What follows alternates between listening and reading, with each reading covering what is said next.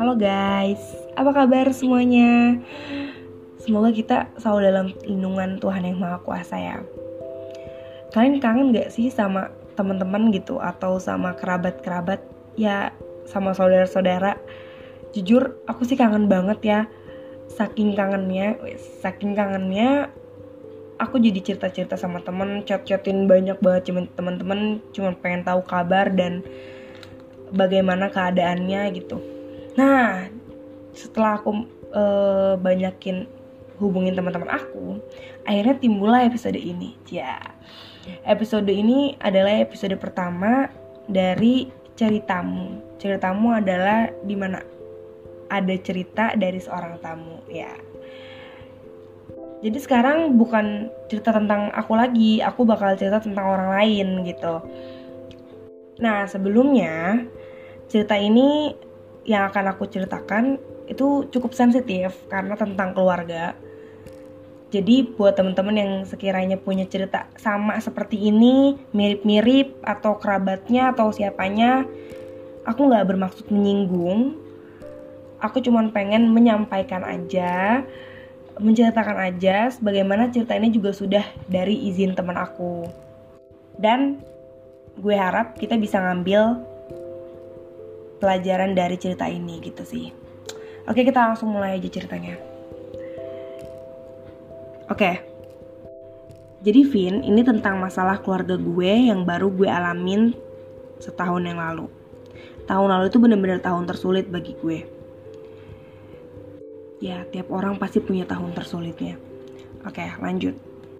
Sebenarnya masalah ini udah ada dari waktu gue kecil.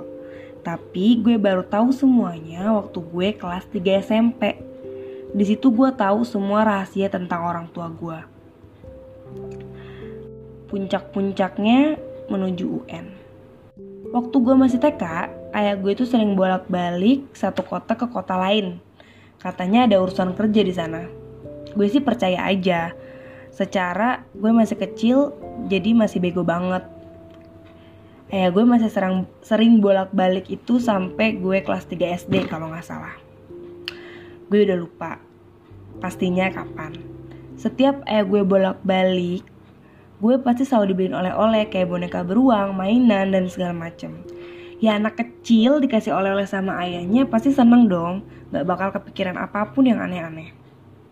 Nah, gue tuh dari dulu gak pernah curiga apa pun sama ayah gue atau sama ibu gue. Sampai gue kelas 3 SMP, gue tahu semuanya. Dan ibu gue udah nyimpen rahasia ini dari sebelum gue lahir. Ya, menyimpan rahasia dari sebelum dia lahir. Dan sekarang dia udah gede gitu. Itu tuh rahasia yang sangat lama gitu dipendem ya. Ya Allah, seorang ibu tuh emang luar biasa. Oke kita lanjutin. Jadi pas gue liburan ke Jakarta sama ortu gue, gue sering banget pakai pakai HP ayah buat nonton YouTube atau main game gitu. Nah pas gue nggak Nah pas gue mainin nggak sengaja kebuka pesan yang ada di HP ayah gue. Terus nama pengirimnya itu Dede.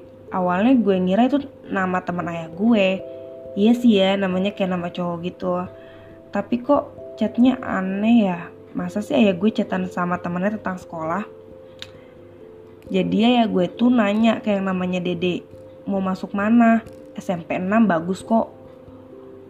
Tentang pendaftaran siswa gitu pokoknya. Terus di situ juga si Dede ini bilang, ya HP Dede rusak, boleh nggak beli HP baru?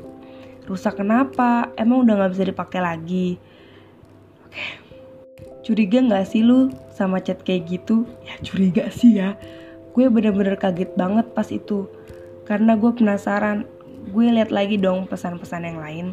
Gue nemu chat dari yang namanya kakak. Dia itu orangnya gak sopan banget. Di situ dia chat kayak ngingetin ayah gue buat bayar sesuatu gitu. Terus dia ngomong gini, kalau nggak sanggup bayar, nggak usah sombong jadi orang. Pokoknya orangnya tuh kasar banget gue lupa dia ngomong apa lagi. Intinya dia ngerendahin ayah gue. Gue makin bingung dong maksudnya apa? Ini siapa? Kok manggil ayah gue dengan sebutan ayah juga? Aduh oke. Okay. mereka siapa? Kok minta-minta sama ayah gue? Gue inget banget waktu itu tangan gue gemeteran pas baca chatnya. Terus gue selidikin dong wah emang teman gue ini detektif. Gue ambil nomornya terus gue cari tahu orangnya lewat BBM waktu itu kan masih zaman BBM iya bener ya SMP ternyata si dede ini cewek namanya gue lupa. Gue lupa banget sama namanya. Karena menurut gue itu nggak penting. Terus si kakak ini cowok dan gue juga nggak pernah tahu namanya dan nggak pernah lihat orangnya. Kata ibu gue, Dede itu lebih muda 3 tahun dari gue, kalau si kakak itu 2 tahun lebih tua dari gue. Nah dari situ gue tahu semuanya Vin. Gue tahu kenapa ya gue sering bolak-balik waktu gue masih TK sampai SD. Ya karena jenguk mereka. Dia punya anak dari cewek lain Vin. Ayah gue selingkuh waktu abang pertama gue masih SD Terus abang kedua gue masih TK dan gue belum lahir. Hahaha. Hahaha. Ketawa dia. Aduh, gue aja pengen nangis bacanya. Oke oke, lanjutin ya. Sampai sekarang nggak pernah ada yang tahu kenapa ya gue selingkuh. Udah hampir 3 tahun, gue simpen itu sendiri tanpa cerita ke siapa pun. Karena gue kira ibu gue nggak tahu tentang hal itu. Gue mau cerita ke ibu takutnya malah nyakitin perasaan. Jadi gue untuk jadi gue memilih untuk diem sampai waktunya tepat. Oh iya gue lupa. Dari dulu ayah sama ibu tuh sering banget berantem ayah tuh orangnya kasar. Kata-katanya pasti nusuk kalau udah marah. Oke. Okay. keren banget gitu loh. Emang ya orang-orang yang bisa menahan perasaan dan menahan sakitnya menahan rahasia selama itu tuh buat gue pribadi tuh keren banget. Karena nggak gampang ya untuk menyimpan semuanya sendiri. Pasti berat banget memikul beban tanpa ada yang tahu dan tanpa ada yang membantu gitu ceritanya masih ada kita lanjutin lagi nah ibu gue itu orangnya agak terlalu banyak tingkah nggak terlalu banyak tingkah tapi kalau sama teman-teman sekolahnya dulu sikap sikapnya agak berlebihan apalagi sama cowok Ibu gue sering ngomongin temen cowoknya yang pernah suka sama ibu gue. Padahal gue tau orangnya aja enggak. Terus gue selalu bilang gini ke ibu, Bu coba deh jangan terlalu sering ngomongin temen cowok ibu. Ibu kan tahu ayah cemburuan. Lagian itu juga udah lama ceritanya, buat apa sih diungkit-ungkit lagi? Gue ngomong gitu supaya mereka nggak ribut, Vin. Masa sih ribut gara-gara cowok lain kan udah nggak pantas banget menurut gue.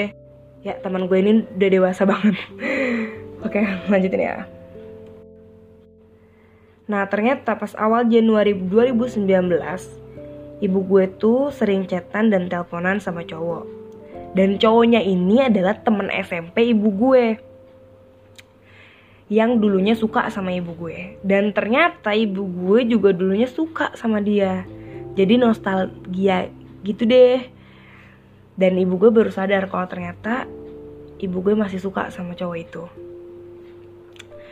gue nggak ngerti kenapa waktu itu, waktu itu ibu gue bisa nyimpulin kalau dia masih suka sama cowok ini cowok ini tuh udah duda udah cerai juga sama istrinya dan punya dua anak cowok.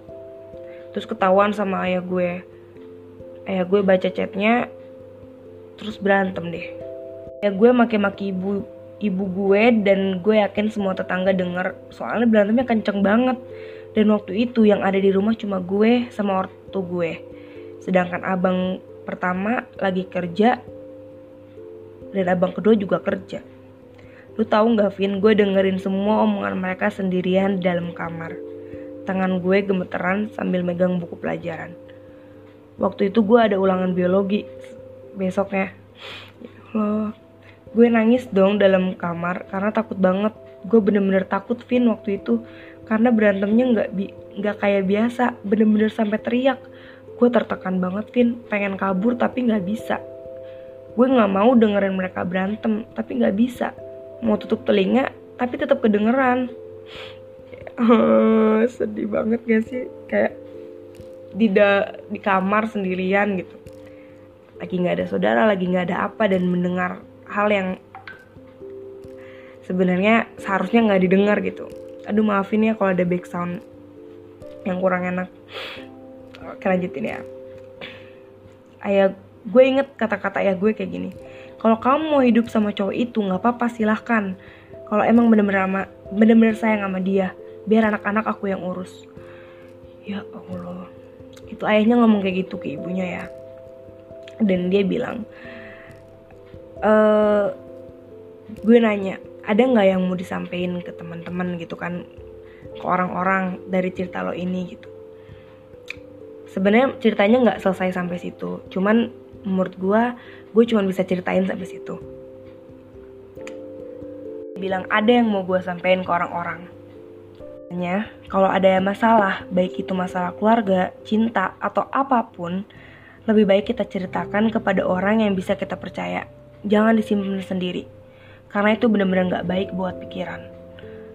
Lu harus ngelepasin semua beban yang lu bawa, lu tumpahin semua rasa sakit, lu ke orang yang lu percaya, supaya lu bisa tenang dan ngerasa kalau lu gak sendiri. Ya, bener banget.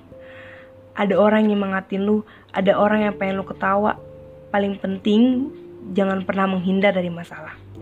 Lu harus hadapin masalah itu dengan bijak. Jangan kabur. Kalau kabur masalahnya nggak mungkin selesai. Malah makin tambah dan makin tambah sakit juga buat lo.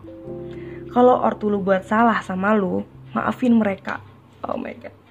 Mungkin mereka nggak sadar ngelakuin itu. Mungkin waktu itu mereka nggak tahu kalau itu salah dan nggak bermaksud untuk nyakitin kita.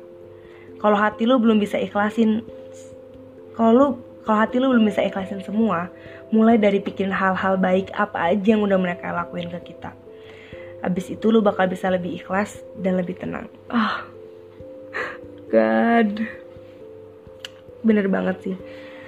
Setiap keluarga itu pasti punya masalah ya teman-teman pasti ada sisi buruk dari uh, setiap keluarga pasti ada sisi gelap dan satu hal yang paling penting yang harus selalu kita ingat kalau misalkan Tuhan itu memberikan masalah sesuai dengan proporsinya masing-masing, sesuai dengan proporsi satu keluarga, sekuat apa sih keluarga itu bisa menjalaninya. Dan yang paling penting lagi, kalau misalkan nggak cuma kita sendiri yang punya masalah, semua orang pun punya. Kita nggak harus menyesali masalah kita sendiri, karena Tuhan memberikan masalah itu bersama dengan solusi. Mereka tuh sepaket teman-teman. Jadi ketika ada masalah datang ke kita, pasti ada solusi juga yang datang ke kita. Tuhan memberikan kita masalah karena dia tahu kita kuat, karena dia pengen kita jauh lebih kuat. Bukan karena dia nggak cinta atau nggak sayang sama kita. Oke, jadi inilah cerita temen gue. Semoga kita bisa ngambil hikmahnya, bisa ngambil pelajarannya. So guys, jangan pernah sungkan untuk cerita ke teman atau ke siapa pun yang kalian percaya karena kalian tuh gak sendirian